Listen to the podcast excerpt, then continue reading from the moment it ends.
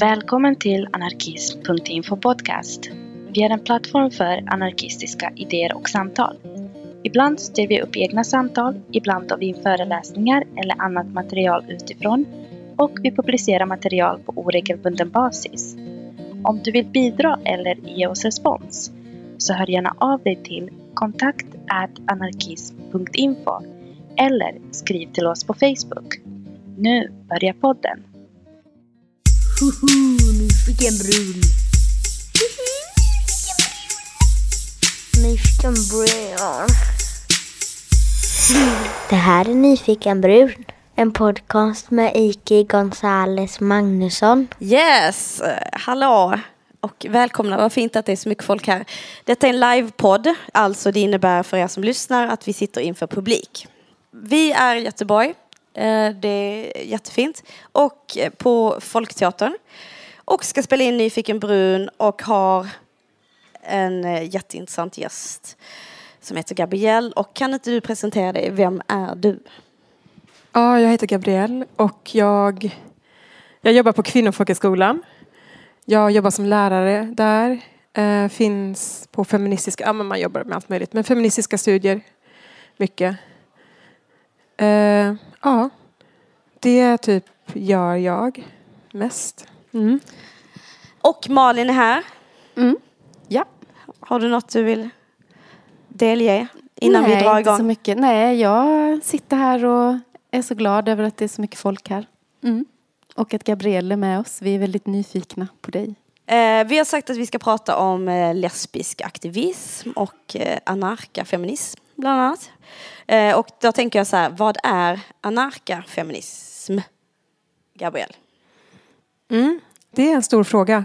Eh, Jag tänkte att jag skulle beskriva hur jag stötte på anarkafeminism. Eh, För det kanske säger mer än om jag börjar rabbla att de vill krossa all form av makt och sådana saker. Eh, men jag var, bodde i Stockholm på 90-talet. Då var jag ung på den tiden. Och eh, var organiserad i Chiapas-kommittén som jobbade för att synliggöra den konflikt som fanns i södra Mexiko där ursprungsfolken hade gjort en revolution 1 januari 94. Eh, och att jobba i en vänsterorganisation med de frågorna betydde på den tiden att vi som identifierar oss som tjejer, vi gjorde jobbet och killarna ja, gjorde, kanske pratade i megafonen de få gångerna det var stora demonstrationer eller så. Eh, de tog på sig ganska synliga roller. Vi var de som stannade kvar och städade när vi hade fixat stora eh, saker och så. Eh, det var liksom en ordning som jag bara tänkte fanns. Att det bara var, för mig var det bara givet. Och plötsligt var det två anarkafeminister som anslöt sig till gruppen. Och det som var nytt var att de satt och pratade med oss tjejer. Eh, var intresserade av oss, våra tankar och våra, vårt arbete. Och nonchalerade väldigt mycket männen i gruppen. För mig var det helt nytt att möta en sån, um, ja, det begreppet då, men kvinnosolidaritet. Att bli lyssnad på, tagen på allvar, att få liksom de sakerna. Eh, och de började även ställa krav på männen. Eh, och det var inte jag van vid heller. Utan vi bara lät det passera i den gruppen jag var med i från början. Så där börjar väl mitt intresse av att veta vad, hur tänker de? Var kommer de ifrån? Vad bottnar de i för liksom, politiska frågeställningar? Och då fick jag reda på att det fanns på Söder då en lokal som på den tiden hette RSM. Revolutionary Supermarket. Och där bedrevs det anarkistisk verksamhet. Och då var det en dag i veckan som anarkafeministerna hade sin kväll. Eh, och då jobbar de alltså könsseparatistiskt. Eh, så de organiserade sina egna grejer. Och då var det bara tjejer. Det som hände då när jag gick in där, det var att det var ingen som kom och berättade för mig, men läs den här boken och så vet du vad du ska tycka här inne. Eh, utan det var basgruppsverksamhet. Och den basgruppsverksamhet man hade, eh, den ledde till fanzines och musik i punkband oftast. Eh, den ledde också till aktioner. Och den ledde också till att vissa av det som vi tyckte var riktigt bra eh, skrevs i tidningen Brand. Så att det fanns liksom en kedja av saker. Och där diskuterades då man praktiserade metoder som också slog i sönder då hierarkiska uppbyggnader. Så eh, man roterade, om man tog hand om olika möten eller så, så skulle det roteras på hela tiden. Så att alla fick de här erfarenheterna och man problematiserade på vilket sätt makt kunde skapas på alla möjliga nivåer. Och man ville bort från det. Och man ville då bekämpa alla former av eh, hierarkier och maktordningar. Eh, och det var ingen så särskilt utval som till exempel radikalfeministerna har när de pratar om Eh. patriarkatet. Till exempel. Ja, Ja. Hur kan vi bara skilja anarkafeminismen och radikalfeminismen åt då? Ja.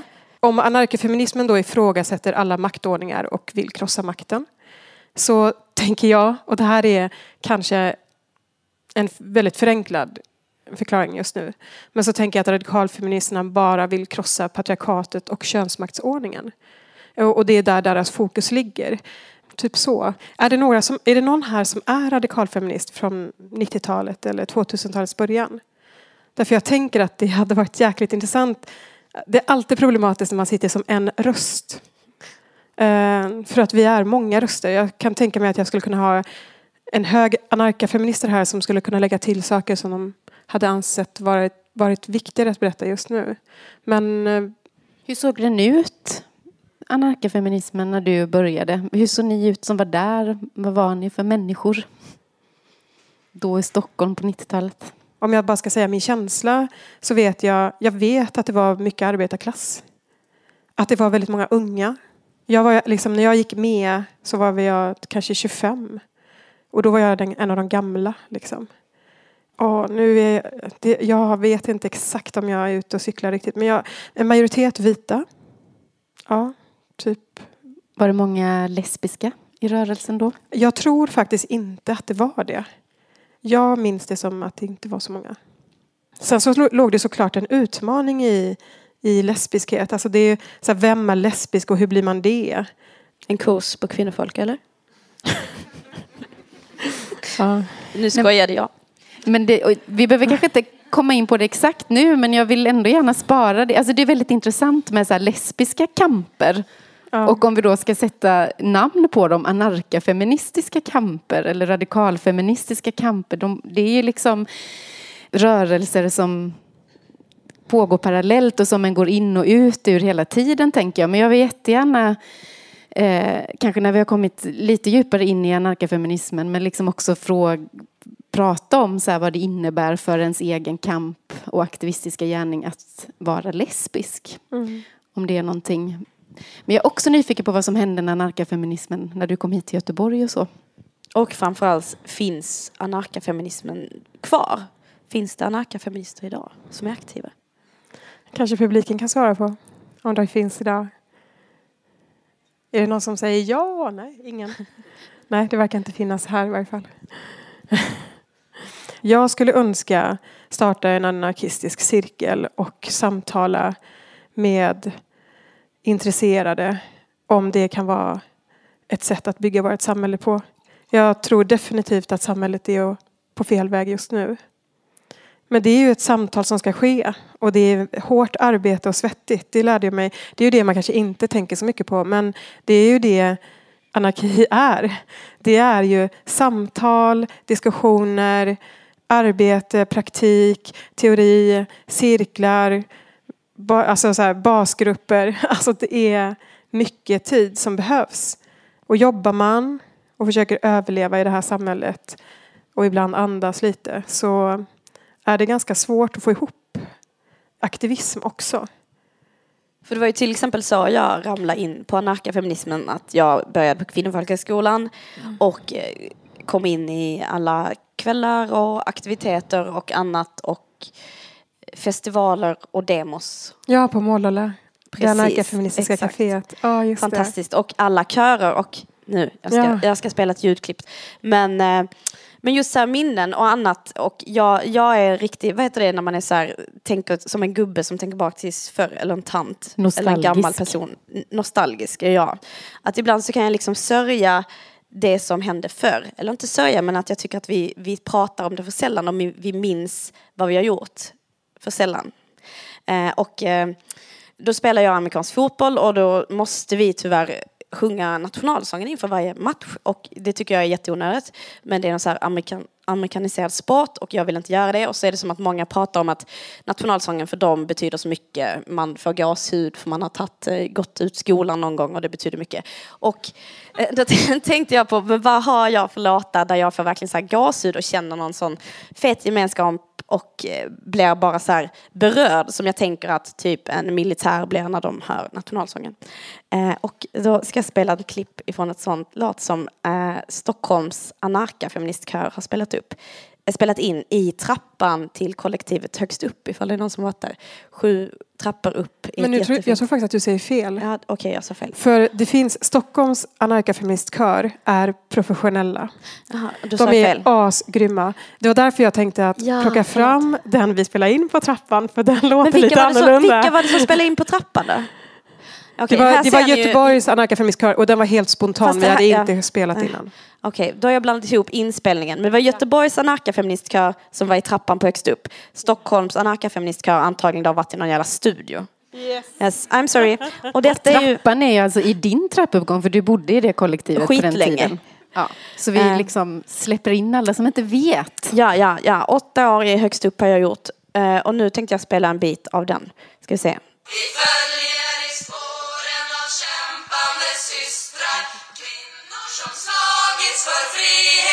frihetens Till barrikaderna under svarta fanor. Tågar vi stolta mot vår revolution. Vi följer i spåren av kämpande systrar. Kvinnor som slagits för frihetens sak. Till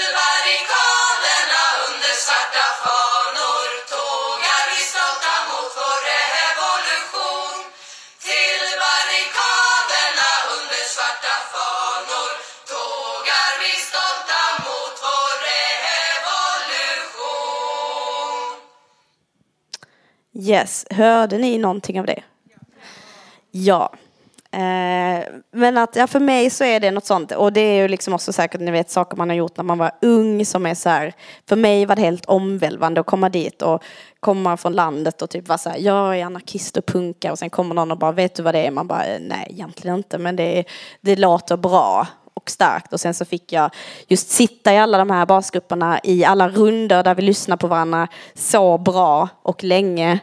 Eh, och ja, att jag, det där betyder skitmycket. Att jag blev så här sentimental, skulle kunna lipa lite ifall inte alla ni satt här. Eh, men, vad hände och hur, hur liksom, när urvattnades anarkafeminismen? Skulle du säga, har den urvattnats eller har den bara bytt funktion? Det kanske var där på trappan när vi gjorde vår inspelning. Alla bara, det här är så dåligt. Ja, eh, när den vattnades ur. Alltså om den ens har det. Nu bara tog jag ett ord som kanske var ganska starkt. Nej, men jag tror att det är så. Vi som drev Molola. Eh, Vill du berätta först vad Molola var? Ja, Molola är eh, ett anarka... Oh, vänta lite. Nu bläddrar Gabriel bland jättefint utskrivna papper. Mm. Det här är, vi har ju behållit vårt material för vi lärde oss ju väldigt tidigt att, att det vi dokumenterar det går till historien. Så min vän Louise här hon har en fin perm hemma hos sig och den har vi sett till att den har överlevt alla åren. Det står så här om Molola. Molola är ett ord på tzeltal, ett mayaspråk från Chiapas då, eh, i Mexiko. Ingenting är en slump. Som betyder kvinnokamrat eller ledsagerska. Molola är ett anarkafeministiskt kvinnokafé som har funnits sedan hösten 97. Föredragen börjar klockan 19. Innan och efter serveras ekologiskt och veganskt fika. Caféet är inte vinstdrivande. Allt eventuellt överskott går till inköp och resor för föredragshållare. Caféet är öppet för alla kvinnor som är intresserade av att lyssna på föredrag, diskutera, utbyta information eller bara slappa av och fika med andra kvinnor. Under kaféet finns ett bokbord och politiskt material till salu. Välkomna! Det är en flyer, en kopia på en gammal flyer helt enkelt, eller? Japp.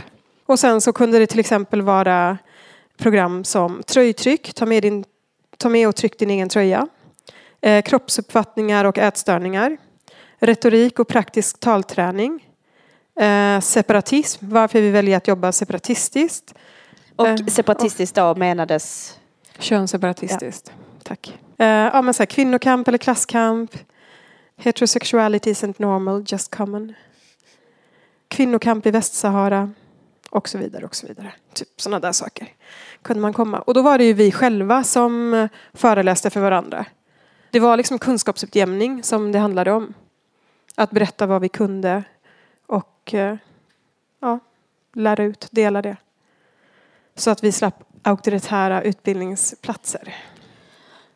För det, det är ju väldigt intressant om nu när jag har tänkt tillbaks på, men absolut inte Mollola just som specifik, men feministiska festivaler och annat som gjordes på den tiden när jag var aktiv. Och det var ju kanske flera år, jag vet inte hur länge du hade bossat här då och varit med. Eller inte bossat men varit Nej, det gör man inte. the boss. Man är Nej precis, förlåt. Eh, glömde det. Eh, men och att om jag nu tittar tillbaks eller jag hittar en sån här gammal flyer och så var det som att jag bara, men gud, om någon hade sett det nu så hade man blivit så lynchad på Facebook för att, ja men kulturell appropriering deluxe och allt annat att det är så här de feministfestivalerna då hade ju självklart saker utvecklas. Men kan det vara sånt som anarkafeminismen, när jag har pratat om anarkafeminismen så har många varit så här, den dog ut för att den var biologisk till exempel.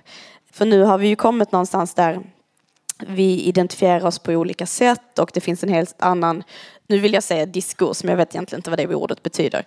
Ett annat samtal. Men att just liksom att det var det som vissa då som jag pratade med var så här, men att anarkafeminismen inte fortfarande finns handlade om just det här att det inte fanns den, de samtalen som finns, nu. Och då tänker jag att men precis som allt annat så borde ju anarkafeminismen också kunnat röra sig framåt. i så. Alltså att det känns som ett, en jättekonstig anledning från någon som inte själv är anarkafeminist att säga att det handlar om det. Men du tänker samtal om eh, hudfärg, eh, Ja men precis. könsidentiteter, Precis, att eh, en, femini- en feministfestival 2003 hade lätt kunnat ha afrikansk dans med en vit person i dreads utan att ens samtala om det. För att den personen har varit och lärt sig det och det är bra. Den, och då lär vi ut det till alla. Och det hade ju inte överlevt en sekund i dagens samhälle. Ja, nej, men alltså jag, jag tror, jag vet inte, alltså det är så svårt när man inte går in och typ, det är ju där vi har våra forskare liksom. Att man får gå in och sammanställa material och, och undersöka för att verkligen säga någonting. Så nu blir det liksom bara mina privata eh, liksom, gissningar. Eh, men jag kan ge mig på en privat gissning. Men, och då tänker jag utifrån mig och jag, kan tänka, jag, jag, jag liksom tänker att de flesta anarkafeminister skulle kunna svara, alltså komplettera det svaret med massa andra då. Men jag tänker att det är Dels handlar det väl om den gruppen som, håller, alltså som driver anarkafeminism, de personerna som finns där och, och de konflikterna och utmattningen som finns där. Att, att verka, att, liksom, att försöka sköta jobb och driva ett café och driva de här frågorna och göra det år efter år efter år. Alltså bara kaféet höll på i sju år. Eh, och att driva det, eh, det är nästan galet länge. Jag vet inte hur många av er här som har vana vid att organisera er. Men vi var ju organiserade dygnet runt. Vi gjorde ju liksom, jobbade på dag och hade våra basgrupper och kul. Och sen på natten kanske vi hittade på saker också. Eh, så, att, så det var liksom, man var ju totalt utmattad. Alltså jag kommer ihåg att jag var, alltså jag tänkte så här, nu går jag och sover i sju år. För jag behövde sova. Liksom. Och man känner ju inte av det de första liksom, tio åren kanske. Utan sen kommer det bara kaboom så blir man skittrött. Så jag tror att det också har med alltså, sådana mer praktiska saker att göra. Att man inte pallar det. Och sen så blir till slut etablerar man sig som anarkafeminister. Och då kommer det såklart en motrörelse. Tack och lov för motrörelser. Alltså de kommer ju med nya ögon och tankar och idéer och vill göra andra saker. Så då kommer de och, och liksom så här, men hallå, tror inte att ni är något? Och, och den kritiken som de växer, vä- väcker då. Liksom. Så, att, så att jag tänker att det fanns väl också med. Eh, jag, minns det, jag minns ju att visst, vi pratade, för du sa det här med biologism. Jag tror att det är en sammanblandning faktiskt. Eh, lite så. Men jag tänker så här att vi pratade utifrån kvinna och man. Så här, kvinnor är välkomna. Det är för att det var den eh, verkligheten vi levde i. Eh, Vi liksom definierar oss som subjekt genom att säga att vi var kvinnor. Lesbisk, att vara lesbisk var också en sån definition. Som, det var så här liksom att ja, men det är en politisk kamp. Liksom. Och därför kunde man välja också att definiera sig som lesbisk. Att det fanns liksom, man gjorde sig till subjekt för att också kunna lagstifta och, och säga att det finns hatbrott och det finns ja, men allt det här. Liksom. Så att jag tänker att det, det föddes ur en rörelse som behövde definiera och sätta ord på kvinna och till exempel lesbisk för att också föra en politisk dagordning. Och säga vem är det som blir utsatt av vem.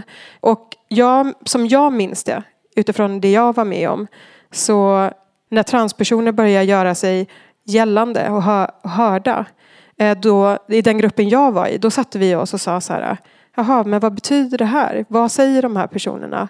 Och vi började eh, försöka förstå det här och Eh, vi samtalade, vi läste på, vi pratade med olika personer. Jag kommer ihåg en lärare på skolan, då jobbade inte jag på skolan. Hon, hon sa en gång så här, när vi satt utanför skolan och hade ett, ett samtal, för vi drev ju kaféet på Kvinnofolkhögskolan då. Eh, vi fick lov att, om vi städade lokalerna och gjorde det fint så fick vi lov att ha eh, föreläsningar och sånt på skolan. Eh, I matsalen då efter lektionstid. Så att då satt vi utanför och, och pratade om de här sakerna och då överhörde en av lä lärarna det. Och då sa hon så här, Aha, och ni tror att ni är fria, ni vet inte ens vad frihet handlar om. Och då kommer jag ihåg att, att vi blev så här nyfikna på, men vad, vadå, vadå? Har det här med frihet att göra? Vad är det vi inte fattar? Och sen började vi plugga som vi alltid gjorde, liksom. Och började fundera på vad det betydde. Eh, och det gjorde att vi förflyttade våra funderingar och tankar. Och eh, när vi gjorde det så, det var ju, ja, så, så fanns ju inte anarkofeministerna kvar då. Men, men jag tänker så här att det är, det, det är ju en process som händer. Och idag så, jag vet inte. Ja. Men det är väl mycket det jag menar att jag är så himla glad att du berättade också all den aktivismen som hände. Just det här att du sa att ni jobbade 24-7 så mycket och att jag tänker att det är sånt som Mm. I flera många, år. I flera år som Ja. många inte vet om. För Just nu jobbar du typ, du tar 15 minuter och gör ett event på Facebook. Dunk. Ja. Eh, nej, inte bara. Folk jobbar jättemycket. Men Jag tänker också så här, jag vet inte riktigt hur det ser ut idag. Men det som händer när man sitter i basgrupper eller i samtal med varandra, det är ju att det sker ett utbyte. Man får träna sig att ta konflikter. Och man får, vi läste ju på då, så här, men aha, vad, vad har feminister sagt innan om konflikter? För det uppstår ju hela tiden.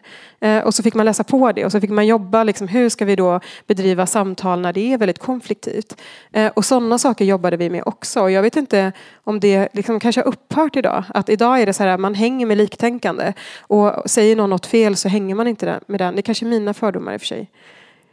Eh, inte Eh. jättemycket fördomar väl, men det är ju väldigt sällan konflikter händer IRL. Alltså in real life, att du sitter och det blir en konflikt. Många konflikter, tänker jag, händer på www, på internet. Okej. Mm. Och att då blir det också en helt annan sak att hantera. Ja. För att då kan jag uppleva att många vågar ju mycket mer. Alltså, det är ju en sak ifall jag ska sitta här mitt emot dig och säga du, nu tänker jag så här. Jag tycker att du är en blaha, alltså du vet, än om jag ska sitta framför ett tangentbord hemma på mitt rum i ett tryggt space och vräka ur mig vad jag känner. Och att det kan jag känna liksom gör någonting med vår organisering och liksom feminismen. Jag tycker det känns mycket idag som att du har en chans. Alltså gör du en analys som någon tycker är felaktig eller eh, trångsynt eller vad som helst så är det som att den inte får en andra chans eller att kunna säga ja, ah, du har rätt. Det, det Ja, var en det. ganska knasig analys. Jag hade inte läst på ordentligt. Jag gör det och sen så kan jag liksom göra ett nytt försök. Utan det är väldigt så, jag upplever att det är väldigt hårt där och det tystar många röster för det är många som då känner att oj, men jag vågar inte säga någonting igen. Mm. Precis, och jag tänker ju också att vi bär ju fördomarna. Alltså vi är ju en pro- produkt av det här samhället. Och det betyder att vi bär på väldigt många fördomar och stereotyper och föreställningar. Och om vi inte samtalar med varandra och vågar prata och aldrig riskerar att någon säger nu uttalar du dig jätteknasigt, menar du verkligen så här? Och att man också kan så här få fatt i hur man tänker, bara, var fan kom den skiten ifrån? Och säga oj, jag backar, alltså, jag tycker inte så, vad knäppt det blev. Så här, det, det är ju då man lär känna sig själv, för vi känner ju inte varandra, eller oss själva, förrän vi hamnar i möten med andra människor och samtalar med andra människor. Och det är ju där vi lever nu, att det finns ju väldigt många som istället för att göra någonting och så älta saker innan för att man är livrädd för att kanske göra någonting som då kanske fördöms. Framför allt på internet tänker jag. Eh, och det tänker jag kan knäcka vem som helst. Och du har, om, om en har skrivit en insändare eller en krönika eller du har gjort ett konstverk som någon inte tycker om liksom, så blir det liksom en sån här och sen så gör du aldrig mer ett konstverk. Nyfiken brun. Men om du tänker på där du står idag, din liksom personliga eller din, de kamper du för idag, hur, hur öppna är de tycker du? Om jag jämför med vad aktivism betydde på 90-talet så är det ju inte så idag. Utan eh, mest är det ju att jag förmedlar eh, saker på min arbetsplats. Att det, är, det är ju en feministisk folkhögskola så att det blir ju liksom att prata om de här sakerna, att dela med sig av de här erfarenheterna. Att jobba för att hjälpa folk att bli politiska. Liksom. Vad har det betytt för dig eh, att vara lesbisk då? Hur påverkar det din aktivistiska gärning? Det är en svår fråga. Jag tänker så här äh, att det som jag upptäckte när jag började vara i lesbiska politiska, för mitt liv har varit politik. Eh, Och när jag började umgås i de kretsarna så då var det ju att träffa de som eh, hade jobbat i basgrupper. Både i min ålder men som höll på, hade hållit på skitlänge. Så det var också att träffa en, gener- en äldre generation. Och att träffa och umgås med människor som totalt, alltså som har liksom jobbat väldigt mycket med kroppsuppfattning eller med att slåss mot olika föreställningar och hur vi internaliserar förtryck. Det var att möta en, alltså den frihetstörsten som man har som lesbisk till exempel. Den kunde jag ju spegla mig i där. Jag fick en historia och jag fick spegla mig i väldigt eh, i ett starkt kollektiv eh, som har en fantastisk historia. Liksom. Och det var ju så här att när jag organiserade mig och började kämpa så kände jag så här jag kan aldrig sluta kämpa. Jag kan aldrig välja det för precis när som helst så kan högen bli stark och då åker jag ut. Eh, så har jag känt jämt. Och att då träffa andra som sitter i samma båt, det är väldigt skönt. För då blir man ett kollektiv. Och, och man finns där för varandra. Och man kan kontakta varandra och man kan få stöd av varandra och man kan få hjälp av varandra. Så att ingå, att från att vara utifrån eller liksom inte tillhöra till att plötsligt tillhöra. Det är ju en, en väldigt fin känsla. Och att spegla mig i lesbiskas kamp runt om i världen gör ju att jag orkar fortsätta hela tiden. Det är alltid någon som gör att mina smilgropar dras uppåt. Och så känner jag att okej då, ett år till. Och du har ju varit så himla bra på att inspirera. Jag har ju en tatuering som du har inspirerat mig till som också är felstavad. Som jag påpekade när du kom. Och kolla, kolla! Eh, men eh, just, eh, och, och då tänker jag så att vi på något sätt ska ta vägen in på liksom queer-feminismen och när den mötte en annan feminism när i alla fall queer kom till Göteborg enligt Ike Gonzales Magnusson när jag hamnade i en sån tra- tradig skotteld. Och eh, Vad står det på tatueringen då? Du måste ju berätta kan det. inte du läsa? Det står en cada beso una revolución. Och det betyder? Eh, I varje kyss en revolution. Och det var i Mexiko. Eh, den första lesbiska demonstrationen så hade de det som paroll. Och jag har stavat revolution, eller det är inte jag som har gjort den, men eh, den som jag skyller på någon annan har stavat revolution fel. Men varje kyss en revolution, sa du I det? varje kyss en revolution. I varje kyss en revolution. Varje gång du kysser. Eh, Detta var ju liksom i hela den här svängen när Queer kom till Göteborg. Eh, Jag och två andra eh, är med i en tävling i Stockholm eh, Stockholm Pride som heter Drag King of the Year. Och då tänker vi att nu ska vi utmana könsnormerna och eh, draga ifrån liksom då det en läser som kvinnligt, manligt, kvinnligt, manligt och eh, liksom gjorde mycket det och hade bananer i byxan som vi åt upp och annat. Eh, och det tog inte emot alls väl här och det var ju också då när queer kom till Göteborg och där många talade om att queer eh, innebar att eh, en tyckte att det var nice att ligga med djur eller barn. Alltså för det kom liksom en massa analyser och ingen riktigt kollade på dem utan det var mest bara så här, ni är helt crazy. Och det var jätte, jättedålig stämning där folk ville slåss. Och det finns väl ingen anledning att sitta och rota i det eller svartmåla någon. Det var bara tråkigt att komma mitt i skottelden tyckte jag. Men jag har lärt mig jättemycket. Och, men i alla fall det som det mynnade ut i som var bra var ju att du och jag åkte just till Sydamerika och gick på ett jättestort feministiskt möte där jag fick lära mig en massa andra grejer. Där Gabrielle var såhär, men faktiskt shit liksom. Folk eh, som är radikala eller vad de är som vill bråka med dig. Vi åker ner till Brasilien så kan du se feminism ur ett annat perspektiv. Eh, till exempel kvinnorna som berättat att de börjar dagen med att gå ett varv runt huset med sitt vapen för att se ifall de behövde skjuta ihjäl den som var inne på deras mark. Då kändes ju den här bananen i byxan väldigt irrelevant. Eh, ja, och jag tänker så här. Jag tänker att det som händer under den perioden. Jag tänker inte svara på någon som sa eller angrep. Ingen svarar och inga angrepp Ja, från mig heller. jag vet inte heller vad som hände där. Men jag tänker att det som fanns generellt då var ju eh, alltså queer.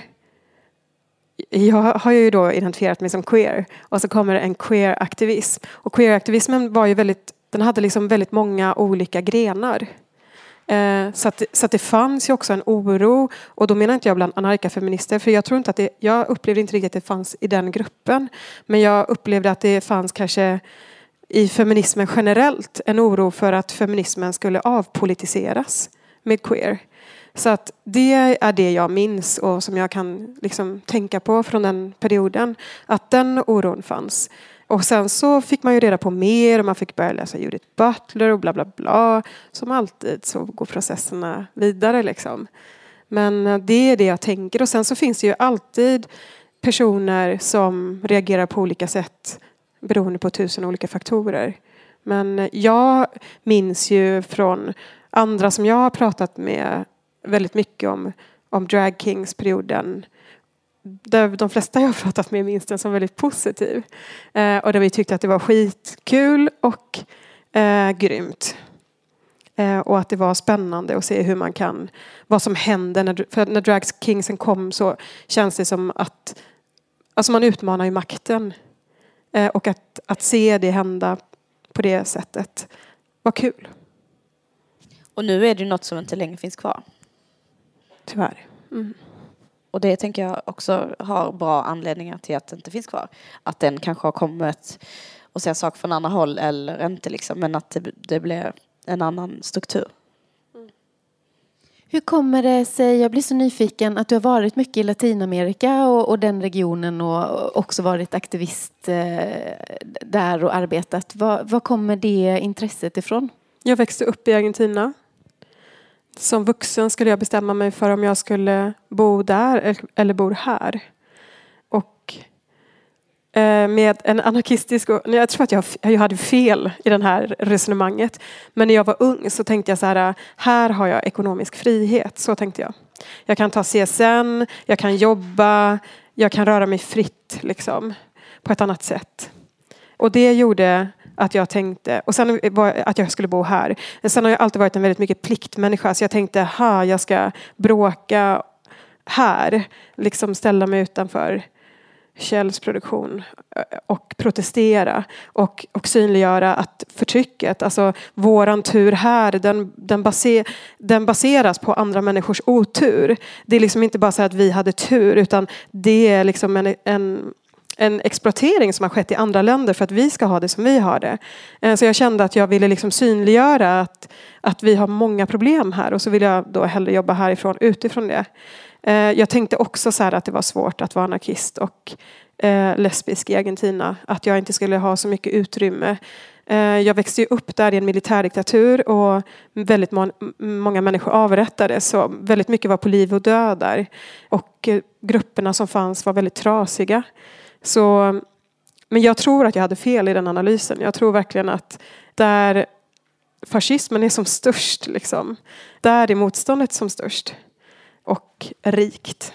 Och att vi har enormt mycket att lära oss av de grupperna. Och det är därför jag har fortsatt som, att åka tillbaks och att ha olika samarbeten och samtal med olika latin, latinamerikanska grupper då. Eller Abayala, som vi kan säga. Som Latinamerika heter. Eh, innan det blev kolonialiserat, ockuperat. Och vad är den största, en av de största kamperna där idag? Jag tänker det är ju flera, det är så olika, många olika rörelser. Men vad, vad är det viktigaste där nu? Idag, är det 19 oktober idag? Ja. 19 oktober. Så i flera länder i Latinamerika och jag tror att det startades upp i, eller själva gnistan var i Argentina. Eh, Det finns ju någonting i Latinamerika som heter feminicid. Eh, Det är liksom att man mördar någon på grund av att man hatar kvinnor så mycket. Så det är ett kvinnomord. Eller flickmord. Eh, Och eh, Latinamerika är det området i världen där mest kvinnor mördas idag. Och jag tror att i Guatemala så mördas en flicka eller kvinna var fjärde timma. Eller jag tror inte jag vet. Var fjärde timma. Eh, men när man är aktiv inom det som händer feministiskt i Latinamerika så är det nästan att man inte orkar ta in liksom alla dessa som avrättas hela tiden. Det är så många, så många hela tiden, år efter år, att det är så att man inte står ut. Men nu så har de en paro nacional. Det betyder att, att alla kvinnorna i Argentina kommer att sluta eller stoppa eller gå av sina arbeten klockan ett. Vad är klockan nu idag? Sju, är åtta. klockan, ja snart åtta. Då är det sju timmar bakåt. Vad är klockan där då? Är det någon som kan hjälpa mig? Tio i tre? Ja, 10-3, förlåt. Okej.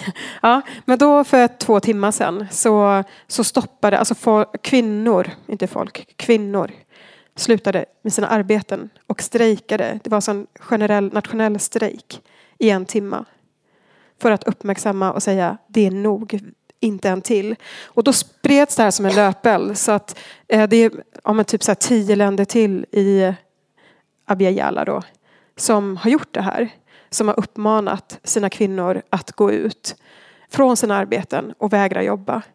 Alltså tänk! Fattar ni? För det första har de latinamerikanska, feministiska och karibiska möten var fjärde år. Var tredje år har de lesbiska, autonoma, feministiska möten. Alltså hur ofta har vi i Sverige, och då har de, förlåt, då är det Latinamerika och Karibien. Hur ofta har vi, hur många här har varit på ett europeiskt feministiskt möte? Upp med en hand. Ah, du och jag har varit det. Två, tre. Mm. Du hade varit det också? Ja men kolla, okej tre stycken. Alltså fatta hur många mer feminister vi är idag. Om det är någonting vi ska göra så är det att gå samman. Och jag menar, så som samhället ser ut idag. Fascismen växer, eh, klassklyftor växer, eh, migration, eh, fientlighet, intolerans. Allt det här bara växer. Och, och vi är liksom ett pluralistiskt samhälle. Det är, vi är väldigt olika och vi är väldigt många. Vi behöver verkligen gå samman. Jättemycket. Och jag tror att, jag tror att vi är där. Att vi vill det. Vi har kanske inget val. det är så det är. Eh, ja, klockan är så pass dags att vi ska släppa in publiken. Är det någon som har en fråga eller en kommentar som ni vill tillföra så får ni jättegärna räcka upp en hand. Jag undrar lite om det här med basgrupper. Hur funkade det? Lite mer... Alltså hur många var det? Var det alltid samma? Hur funkar det? Eh, det funkade skitbra, är mitt svar. Alltså det var det bästa för mig. Det, vi var, jag tror att vi var typ fem oftast i gruppen. I Stockholm fanns det ju så här teman att man, eh, att, att man var väldigt många olika basgrupper och så kunde man ha ett tema som man hade. Det kunde vara till exempel ätstörningar. Men man sitter, man är en grupp, hur Ah. många är man? Alltså, man är typ fem stycken och så har man ett tema. Eh, och så går man rundor och så pratar man om så här, hur har det här påverkat mig. Och vad är en runda? Alltså folk vet Ja, inte vad runda nej. är nu för tiden. Ja. En runda är att man helt enkelt eh, tar, har, liksom, går runt och var och en får säga utifrån sig själv. Så att man pratar inte om, ja men jag tycker precis som Iki. Utan jag säger jag tycker. Och så tränas man i att, att säga vad man tycker. Och så gör man det. Och det som, man pratar ju om det som medvetandehöjande. Det betyder att om man identifierar så här att oj shit, här har vi alla det här problemet. Då kanske det här inte bara är min enskilda individuella fråga utan det här kanske, äh, det kanske finns yttre faktorer som vi måste titta på. Jag kommer ihåg att Stina Sundberg som var rektor på Kvinnofolkhögskolan för hundra år sedan då, nej på 90-talet. Eh, hon sa så här äh, att eh, ja, det går inte att vara politisk utan att vara i en basgrupp. Därför att det är det som gör, gör det hela. Och då kommer jag ihåg att vi satt där råkaxiga och bara Jaha, så du är med i en basgrupp nu? liksom, och det fattar vi att hon inte var för hon jobbar ju häcken av sig. Eh, men eh, vi ville ju synliggöra då att vi var det och hon var inte det. Och vem var då politisk? Hon var råpolitisk. Men, ja. Fler frågor? Men jo, jag kan ge dig, ett, jag kan ge dig liksom ett häfte där det står precis vad du ska tänka på. Så, du, Ett häfte? så, ja, det finns två, fyra sidor som, som så varningar så att man inte bara går in i sig själv och så blir det någon så här psykologisk självhjälpsgrupp. Utan det ska gå från det privata till det politiska. Så det finns, för vi har ju lärt oss, ni behöver inte göra om samma misstag. Så vi har skrivit ett bra häfte så man lär sig, alltså man kan undvika det värsta. Var det enda frågan? Ja, det verkar så. Har du någon mer fråga, Iki? Nej, alltså jag är, tycker att det har varit så himla kul att höra och jag skulle liksom kunna lyssna på det här i hundra år till. Eh, Men det kan man ju inte. Det blev alldeles för länge. Jag vill säga en avslutande sak. Kör. Politisk aktivism och organisering är skitroligt. Eh, Det är meningen med livet. Eh, Man kan förbättra mötena så att de blir mycket effektivare och inte tunga. Det finns sådana metoder. Ja, man får livskvalitet. Och anarki har ju handlat väldigt mycket om det. Att faktiskt ha makt över sitt liv.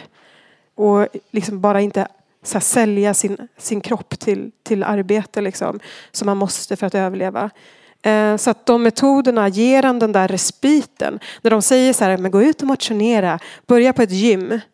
Gå inte på den myten. För att det är bara att ni blir ännu tröttare. Ni får energi så ni orkar laga mat. Ordentlig mat kanske, men inte mer. Men de här liksom basgrupperna och det här med att organisera sig politiskt. Det gör att man tar mer och mer tid till det. Och det andra får liksom vänta. Och jag tror att vi behöver det, eller tror, jag vet att vi behöver det akut nu. Det är ju liksom skrämmande att se vad som händer och den här lagen, eller LLS-lagen, är det så den heter? Alltså, men ni förstår, liksom människor håller på att dö för att de inte får assistans. Liksom. Så det finns otroligt mycket som gör en upprörd och det blir bara värre hela tiden. Så vi måste ju sätta ner foten. Eh, jag har en jättebra bok som jag ska rekommendera också. Så här är den man har varit anarkofeminist. Eh, den heter Free Women of Spain. Därför jag tror verkligen på att vi måste kunna historia om vi ska tro på de här sakerna. För annars är det väldigt svårt så här att ja, men då är det som en liten utopi. Eh, och här är det en, en professor i statsvetenskap som heter Eh, Martha A. Acklesberg från London som har varit ner och studerat 80 år av organisering, alltså innan inbördeskriget i Spanien så organiserar man sig i 80 år innan och det är viktigt att komma ihåg att så länge var det. Och här i den här boken så finns det fantastiska berättelser om hur det går till och hur man kan göra. Och när jag kollade igenom den här så tänkte jag ja, anarki är ett alternativ idag. Så om någon vill ha bilda en cirkel så får ni höra av er. Så gör vi det. Yes, alltså tack så jättemycket för att du ville komma hit. Gabrielle Högstadius. En applåd och